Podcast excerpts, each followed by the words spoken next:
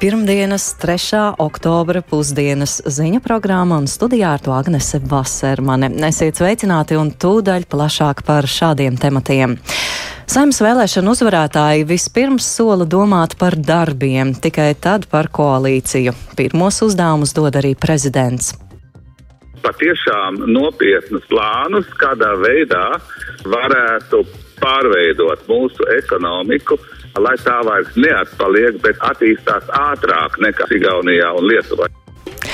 Ko no jaunievēlētajiem politiķiem sagaida sabiedrības pārstāvji? Pie varas paliek vieni un tie paši cilvēki. Ir sagaidāmas līdzīga nākotne, kādu mēs piedzīvojam pēdējos četrus gadus. Drīzāk, kas nav sagaidāms, man liekas, Stambulas konvencijas ratifikācija nav sagaidāma, tāpat arī nav sagaidāms civilās savienības likums šīs saimnes sasaukumā. Ukrainas armija atbrīvo arvien jaunas apdzīvotās vietas valsts austrumos un dienvidos. Šodien, jak minimum dviči. Vismaz divas reizes dienā es saņemu ziņojumus no mūsu bruņotajiem spēkiem. Šajā nedēļā lielāko daļu no ziņojumiem aizņēma saraksts ar apdzīvotajām vietām, kuras ir atbrīvotas no ienaidniekiem mūsu aizsardzības operācijas laikā. Par to visu tūdaļ arī plašāk.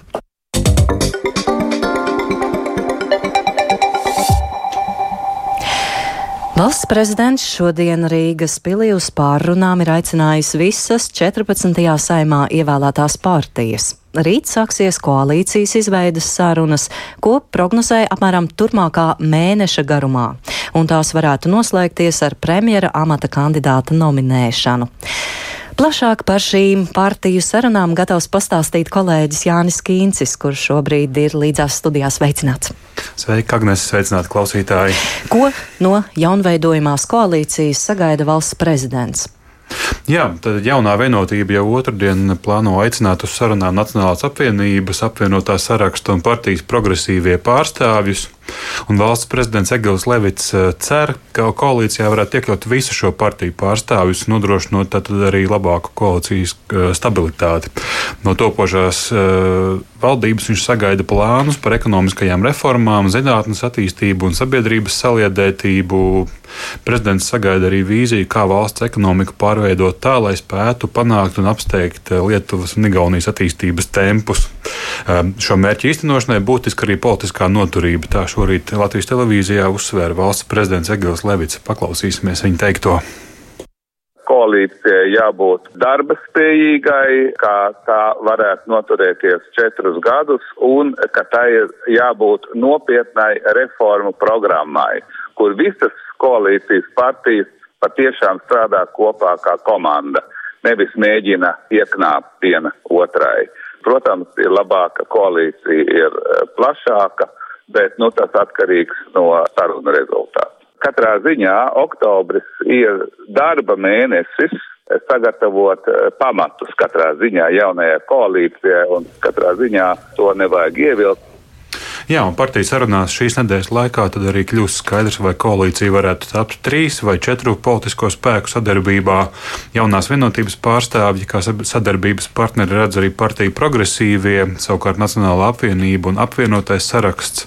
Rīcības spējīgu valdības modeli saskata arī bez progresīvajiem un sadarbībā ar vēlēšanu uzvarētājiem jauno vienotību. Šādai triju politisko spēku koalīcijai būtu 54 balsis.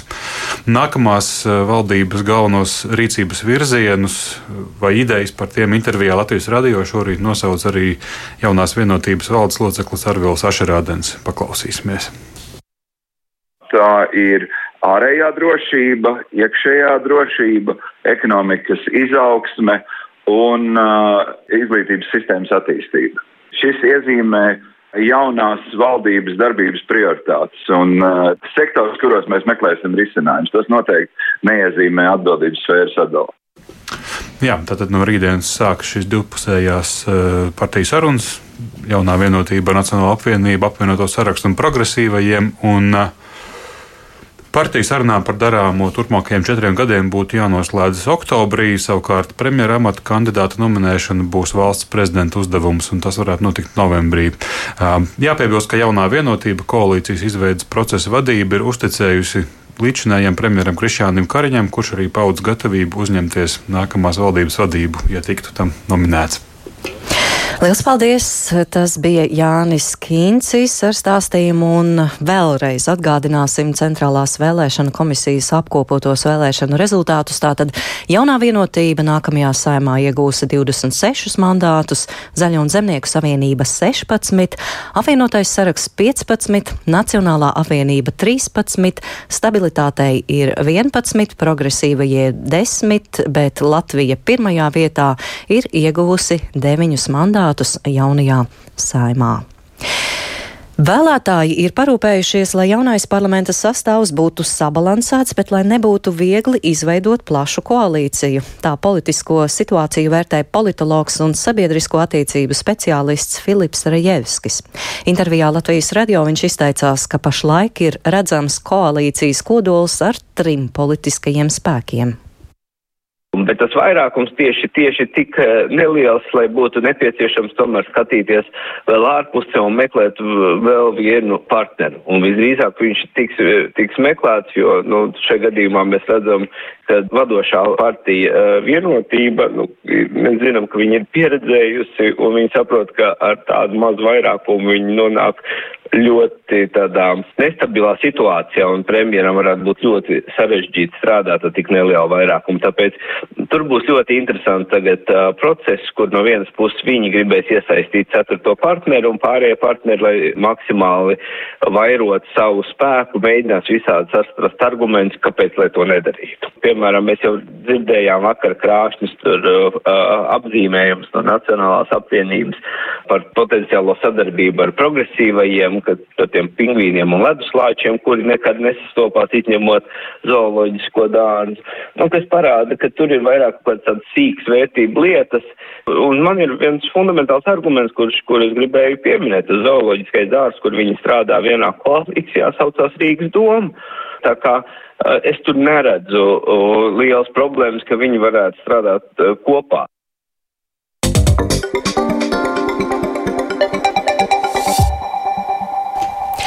Un turpinām pusdienas ziņu programmu. Pēc iespējas ātrāk ir jāizveido valdība un jātur roka uz pulsa, kā attīstās situācija enerģētikas jomā. Šie ir pirmie un svarīgākie, karstākie darbi, kas jāpaveic jaunajai saimai un valdībai. Ekspertu viedokļus apkopoja kolēģe Linda Zalāne. Visi Latvijas radio aptaujātie eksperti ir vienisprātis, ka valdības un saimas pirmie un svarīgākie darbi saistīti ar enerģētikas jautājumiem gan cenas, gan pieejamības, gan piegāžu drošības jautājumi. Fiskālās disciplīnas padomas loceklis un bankas citadela ekonomists Mārtiņš Aboliņš teica, ka šajā jomā daudzas lietas jau šī valdība izdarījusi. Tiecībā, kompensācijām un atbalsta pasākumiem šai ziemai, bet skaidrs, ka enerģētika ir droši vien jautājums, ko mēs vēl diezgan ilgi risināsim, jo tas prasa ne tikai subsīdijas, tas prasa investīcijas, gan sašanātās gāzes termināli, gan savu atjaunojamo energoresursu ražošana, gan energoefektivitāte. Tur, tur būs daudz ko vēl darīt, un es domāju, ka šis jautājums būs, būs diezgan prioritāts visas saimnes laikā. Šīs saimnes laikā noteikti būs aktuāls jautājums arī par budžeta sabalansēšanu, jo kopš pandēmijas sākuma esam dzīvojuši ar diezgan lielu budžeta deficītu. Arī šogad būs, arī nākamgad būs, ņemot vērā enerģētisko situāciju. Bet skaidrs, ka procentu likmes ir būtiski auguši, tā situācija vairs nav tāda, ka mēs varam tērēt, cik mums ienāk prātā. Arī Latvijas Tirzniecības un Rūpniecības kameras priekšsēdētājs Jānis Enziņš akcentē, ka nākamā gada budžets solās būt izaicinājumiem bagāts.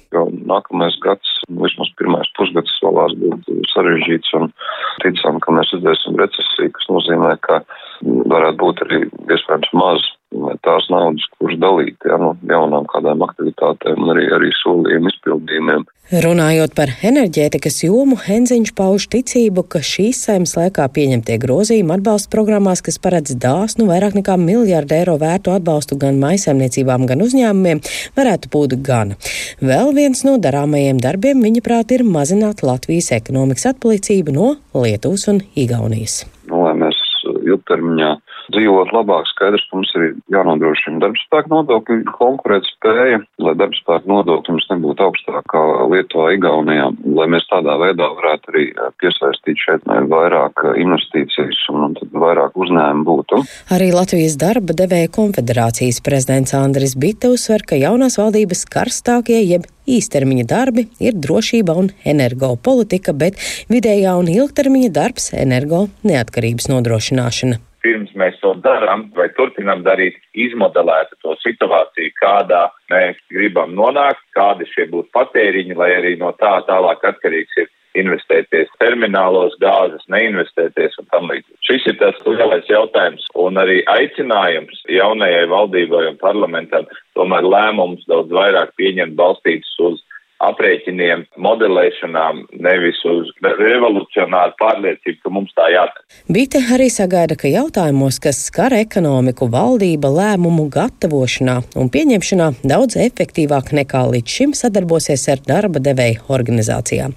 Kopumā Latvijas radio uzrunātie eksperti atzīst, ka jaunajai valdībai darāmo darbu saraksts ir patiesi garš, bet, lai varētu ķerties vērsim pie ragiem, pirmais un svarīgākais uzdevums tomēr ir konstruktīvas un ātras valdības veidošanas sarunas, lai neatkārtotos iepriekšējās valdības veidošanas vēsture, kad sarunas ievilkās samērā ilgi. Linda Zalāne, Latvijas radio. Pārsteigumi un partiju izgāšanās, tomēr prieka sajūtas nav. Tā par saimas vēlēšanu iznākumu saka sabiedrības pārstāvji, kurus Latvijas radio uzrunāja pirms balsošanas, jautājot, kā viņi vērtē priekšvēlēšanu laiku un kā izvēlas savu politisko spēku. Atkārtoti pēc balsošanas viņus uzrunāja Viktors Demīdaus.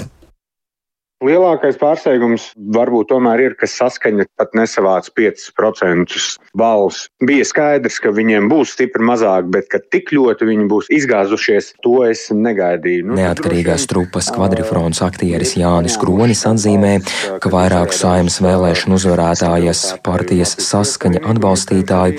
Šajās vēlēšanās savu balsi atdevuši par tādām partijām kā Stabilitātei, Latvijas Krievu savienība un Zaļo un Zemnieku savienība kas dažos novados Latgalē vēlēšanās ir populārākā partija.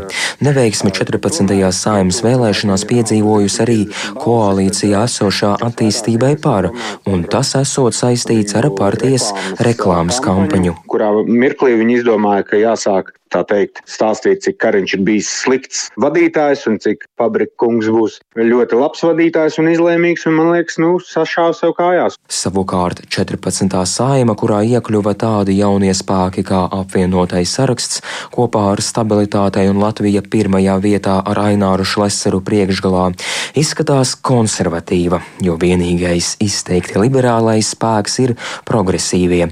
Tā uzskata Kronis, norādot, ka vēl ir pāragri spriest spriest, ko no jaunā parlamenta sagaidīt. It kā nomainās liela daļa deputātu saimā, bet nav tā, ka liela daļa no viņiem ir pirmo reizi Drīzāk, kas nav sagaidāms, man liekas, Stambulas konvencijas ratifikācija nav sagaidāma, tāpat arī nav sagaidāms civilās savienības likums šīs saimnes sasaukumā. Bet, nu, cerams, ka sagaidām ir, nu, tāda pro-eiropiskā, pro-NATO un, nu, diezgan skaidra politika attiecībā uz Krieviju. Nu, tas gan ir sagaidāms. Mihaila Čehova Rīgas Krievu teātra vadītāja un aktrise Dana Bjorka pirms vēlēšanām sacīja, ka daudzās partiju reklāmas un solījumi viņai paceļ garastāvokli taču neviens no politiskajiem spēkiem vai to kandidātiem nespējot iegūt viņas uzticību, tāpēc uzrunājot viņu pēc vēlēšanām, viņa par to iznākumu nesot nedz priecīga, nedz arī vīlusies. Savukārt apkārtējos cilvēkos Bjorka dzirdot daudz sašutuma. Pie varas paliek vien un tie paši cilvēki, Un tad ir sagaidāmas līdzīgi lēmumi un līdzīga nākotne, kādu mēs piedzīvojam pēdējos četrus gadus. Es ļoti ceru, ka tie izaicinājumi, kas stāsies jaunai valdībai priekšā, tiks risināti gudri, pārdomāti, viedi un ņemot vērā visu Latvijai lojālo sabiedrību, nešķiļot to uz krieviem vai latviešiem. Viedokļus uzklausīja Viktors Demīdaus.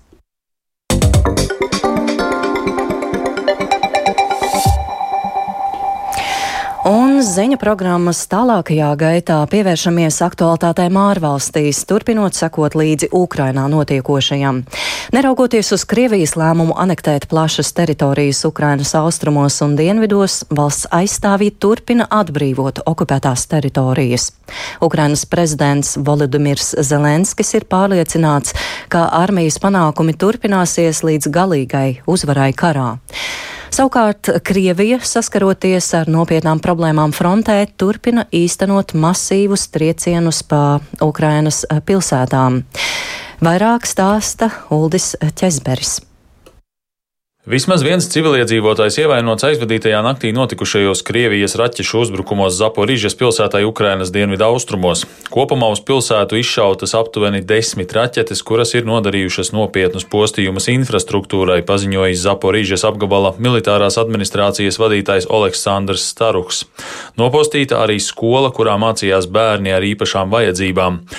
Vakar pienāca ziņas, ka Ukrainas bruņotie spēki ir atbrīvojuši Limānas pilsētu Donetskas apgabalā. To savā ikvakara uzrunā tautai apstiprināja arī Ukrainas prezidents Volodimirs Zelenskis. Viņš piebilda, ka Ukrainas armijas panākumi frontē neaprobežojas tikai ar Limānas atbrīvošanu. Щоденно, як мінімум двічі, вранці ввечері, я отримую звіти від наших військових. Vismaz divas reizes dienā, no rīta un vakarā, es saņemu ziņojumus no mūsu bruņotajiem spēkiem. Šajā nedēļā lielāko daļu no ziņojumiem aizņēma saraksts ar apdzīvotajām vietām, kuras ir atbrīvotas no ienaidniekiem mūsu aizsardzības operācijas laikā. Знаєте, Tā, tā, ziniet, ir tāda tendence. Nesen kāds kaut kur rīkoja pseido referendumus, bet, kad atgriežas Ukrainas karoks, tad neviens neatceras Krievijas farsu ar kaut kādiem papīriem un kaut kādām aneksijām. Protams, izņemot mūsu tiesību sargājošās iestādes, jo tiem, kuri ir iesaistīti jebkādā agresijā pret mūsu valsti, par to būs jāatbild. Amerikāņu domnīca kara izpētes institūts vēsta, ka Ukraiņu spēki ir ieņēmuši arī iepriekš okupēto Torskas ciematu un vēl vairākas apdzīvotas vietas Limanas tuvumā. Torske atrodas aptuveni 20 km no okupētās Kremennas pilsētas Luhanskas apgabalā. Visticamāk, šīs pilsētas atbrīvošana būs Ukrainas armijas nākamais mērķis austrumu frontē. Pēdējās dienās pienāk ziņas arī par to, ka Ukrainas armija ir ieņēmusi vairākas apdzīvotās vietas Hersonas apgabalā valsts dienvidos, savukārt Ukrainas bruņoto spēku operatīvā pavēlniecība dienvidi šīs ziņas nedz apstiprina, nedz noliedz. Ukrainas bruņoto spēku ģenerālštāps apgalvo, ka kopš Krievijas iebrukuma 24. februārī karā ir krituši vairāk nekā 60 tūkstoši Krievijas pusē karojošie. ASV aizsardzības sekretārs Lloyds Ostins paziņojis, ka Ukrainas bruņoto spēku sekmes frontē apliecina dinamikas maiņu kaujās starp Ukrainas un Krievijas armijām. Ostins intervijā telekanālam CNN uzteica Ukrainas karavīru spējas efektīvi izmantot ASV un citu rietumvalstu piegādātos ieročus, kas tikai pierādot, ka sabiedrotajiem ir jāturpina atbalstīt Ukraina tās cīņā pret Krievijas agresiju. Runājot par palīdzību Ukrainai, ziņu aģentūra Bloomberg vēsta, ka ASV valdība apsverot iespēju līdz kara beigām ik mēnesi piešķirt Kīvai finansiālu palīdzību 1,5 miljārdu dolāru apmērā, lai spētu nodrošināt valsts pamatizdevumus. Amerikāņi arī vēloties, lai līdzīga apjoma palīdzību Ukrainai sniegtu arī sabiedrotie Eiropā. Uldis Česberis, Latvijas radio. Brazīlijas prezidenta vēlēšana pirmajā kārtā svētdien visvairāk balsu saņēmis kreisais eksprezidents Luis Inacio Lula de Silva. Tomēr nec Lula, nec pašreizējais labējais prezidents Džairs Bolsonaru neieguva vairāk nekā pusi balsu, tādēļ abiem par valsts galvas amatu būs jācīnās arī otrajā kārtā, 30. oktobrī, stāsta Rihards Plūme. Svētdien notikušajās Brazīlijas prezidenta vēlēšanās kreisais eksprezidents Luis Sinasiju Lula da Silva saņēmis 48,4% balsu, tikmēr pašreizējais prezidents Žairs Bolsonaru 43,2%, liecina vēlēšanu komisijas sniegtā informācija. Vēl pirms vēlēšanām tika prognozēts, ka Lula varētu uzvarēt jau pirmajā kārtā, taču eksprezidenta pārsvars par 67 gadus veco Bolsonaru bija mazāks nekā tas tika prognozēts priekšvēlēšanu aptaujā aptaujās. Ja 76 gadus vecais Lula uzvarēs otrajā kārtā, viņš kļūs par Brazīlijas pirmo demokrātiski ievēlēto prezidentu, kas amatā nonāk trešajam pilnvaru posmam. Brazīlijas politikas analītiķis Leonardo Passis izteicies, ka rezultāti nozīmē saspringtas tuvākās nedēļas, kurās turpināsies abu kandidātu kampaņas. Viņa prāt Bolsonaru un Lula turpinās uzbrukumus viens otram.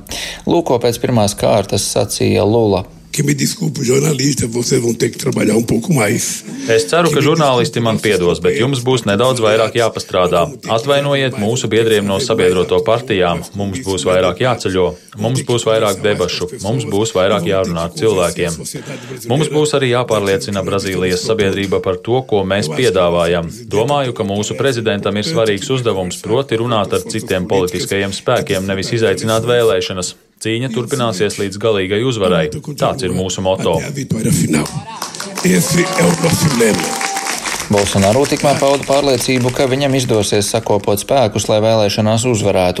Analītiķis Maikls Šifters no domnīcas Inter-American Dialogue tikmēr uzskata, ka otrās kārtas rezultāti, kuros pašreizējais prezidents ir pārspējis cerības, dos viņam zināmu impulsu, un viņš spēlēs uz to, ka eksperti ir kļūdījušies un kļūdīsies arī par otro kārtu. Bolsonaro vairāk kārt mēģinājis apšaubīt Brazīlijas elektronisko balsošanas sistēmu un apšaubījis sabiedriskās domas aptauju pamatotību, kas viņu pastāvīgi ierindo otrajā vietā, un pēc pirmās kārtas rezultātiem vairāk cilvēku var ticēt Bolsonaru teiktajam, saka eksperts Leonardo Pass. Pašreizējais prezidents ir vairāk kārt devis mājienus, ka viņš nepieņems Lulas uzvaru, radot bažas par spriedzi pēc vēlēšanām. Šāda nostāja tiek salīdzināta ar bijušo ASV prezidentu Donaldu Trumpu, kurš atteicās samierināties ar viņa zaudējumu vēlēšanās, un Bolsonaru nebūtu nav slēpis savas simpātijas pret Trumpu. Rihards Plūme, Latvijas radio.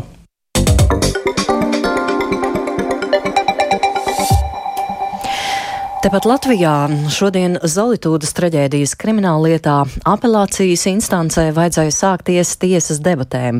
Rīgas apgabaltiesas krimināla lietu tiesas kolēģija beigusi pierādījumu pārbaudi, taču šorīt īsu brīdi pirms tiesas sēdes apsūdzētais ēkas būv inženieris Ivars Sergets lūdz atgriezties pie tiesas izmeklēšanas. Par šo plašāk stāsta Linda Spundiņa. Zolītūdas traģēdijas krimināla lietā tiesa pabeidza izmeklēšanu. Tas nozīmē, ka nu ir laiks tiesu debatēm. Vairākas reizes tiesas sēdi noņēma no izskatīšanas apsūdzētā ēkas būvinženiera Ivera Sergeta slimības dēļ. Šodien sēde notika, taču tiesnese Iveta Vīganta sēdes dalībniekus informēja, ka šodien saņemts iesniegums no Sergeta. Sergets norāda, ka gatavojoties tiesas debatēm, viņš ir konstatējis, ka Lietā pastāv strīds par to, kur ir kompetentā iestāde, kur ir tiesīgs sniegt atzinumu par būvizstrādājumu atbilstību, neatbilstību normatīvajiem aktiem un to, kādi normatīvie akti bija piemērojami ražotājam būvizstrādājuma ražošanas brīdī. Tāpat norāda, ka lietā ir strīds par to, vai personas, kuras nav būvniecības speciālisti, kā arī vai būvniecības speciālisti, kuriem nav certifikāta būvprojekta ekspertīzē vai būvju ekspertīzē, ir tiesīgi veikt ekspertīzi un sagatavot kompleksās ekspertīzes atzinumu. Un Sergetam vēl ir iebildumi. Viņš lūdz tiesu atjaunot tiesas izmeklēšanu, noskaidrojot iesniegumā minētos jautājumus. Prokuratūra norādīja uz Sergita nekorekto rīcību īsi pirms tiesas sēdes nosūtīt iesniegumu ar pielikumiem uz aptuveni 60 lapusēm, ar kuru tik īsā laikā valsts apsūdzība nevar pagūt iepazīties. Jā, nu varētu šeit garu un plaši runāt par uh, attieksmi, bet nu, no tā nekas šī situācijā nemainīsies. Lūgums ir iesniegts un viņš ir jāizlemj. Tāpēc tiesa paziņoja pārtraukumu līdz 2013. Linda Spundiņa, Latvijas radio. Un taupības nolūkā veikti grozījumi ministru kabineta noteikumos, kas atļauj dzīvojamās mājās samazināt karstā ūdens temperatūru, jo līdz šim mājas pārvaldītājam bija pienākums karstā ūdens temperatūru nodrošināt nezemāku par plus 55 grādiem. Reizeknes pilsētas lielākais nama apsaimniekošanas uzņēmums karstā ūdens temperatūru samazinājis līdz pat 35 grādiem, rīta vakara stundās līdz 48 grādiem. Pret šādu temperatūras pazeminājumu iebilst veselības veselības inspekcija, turpina pārstāve no inspekcijas Solvita Muceniece. Īpaši pie šādām temperatūrām ir pirms katras eh, mazgāšanās reizes maksimāli notecināt ūdeni, vismaz minūti, divas, regulāri šīs dušas galviņas tīrīt, noņemt aplikumu, kas tur ir izveidojies, pie iespējas arī dezinficēt, kaut vai iemērcot vārošā ūdenī. Un, protams, maksimāli turēt tuvu šo dušas klausuli, ja tiek izvēlēta duša, ja nav iespēja mazgāties vannā cilvēkam. Galvenais nosacījums ir maksimāli izslēgt iespēju veidoties šim te ūdens aerosolam. Ar to arī izskan ziņu programma Pusdiena. Producents Edgars Kupčs, ierakstus montēja Kaspars Groskops, pieskaņa pults Katrīna Bramberga, studijā Agnes Vasermane. Svarīgākais - vēlēšana uzvarētāji vispirms sola domāt par darbiem, tikai tad par koalīciju. Pirmos uzdevumus dod arī prezidents. Ukrainas armija atbrīvo arvien jaunas apdzīvotās vietas valsts austrumos un dienvidos.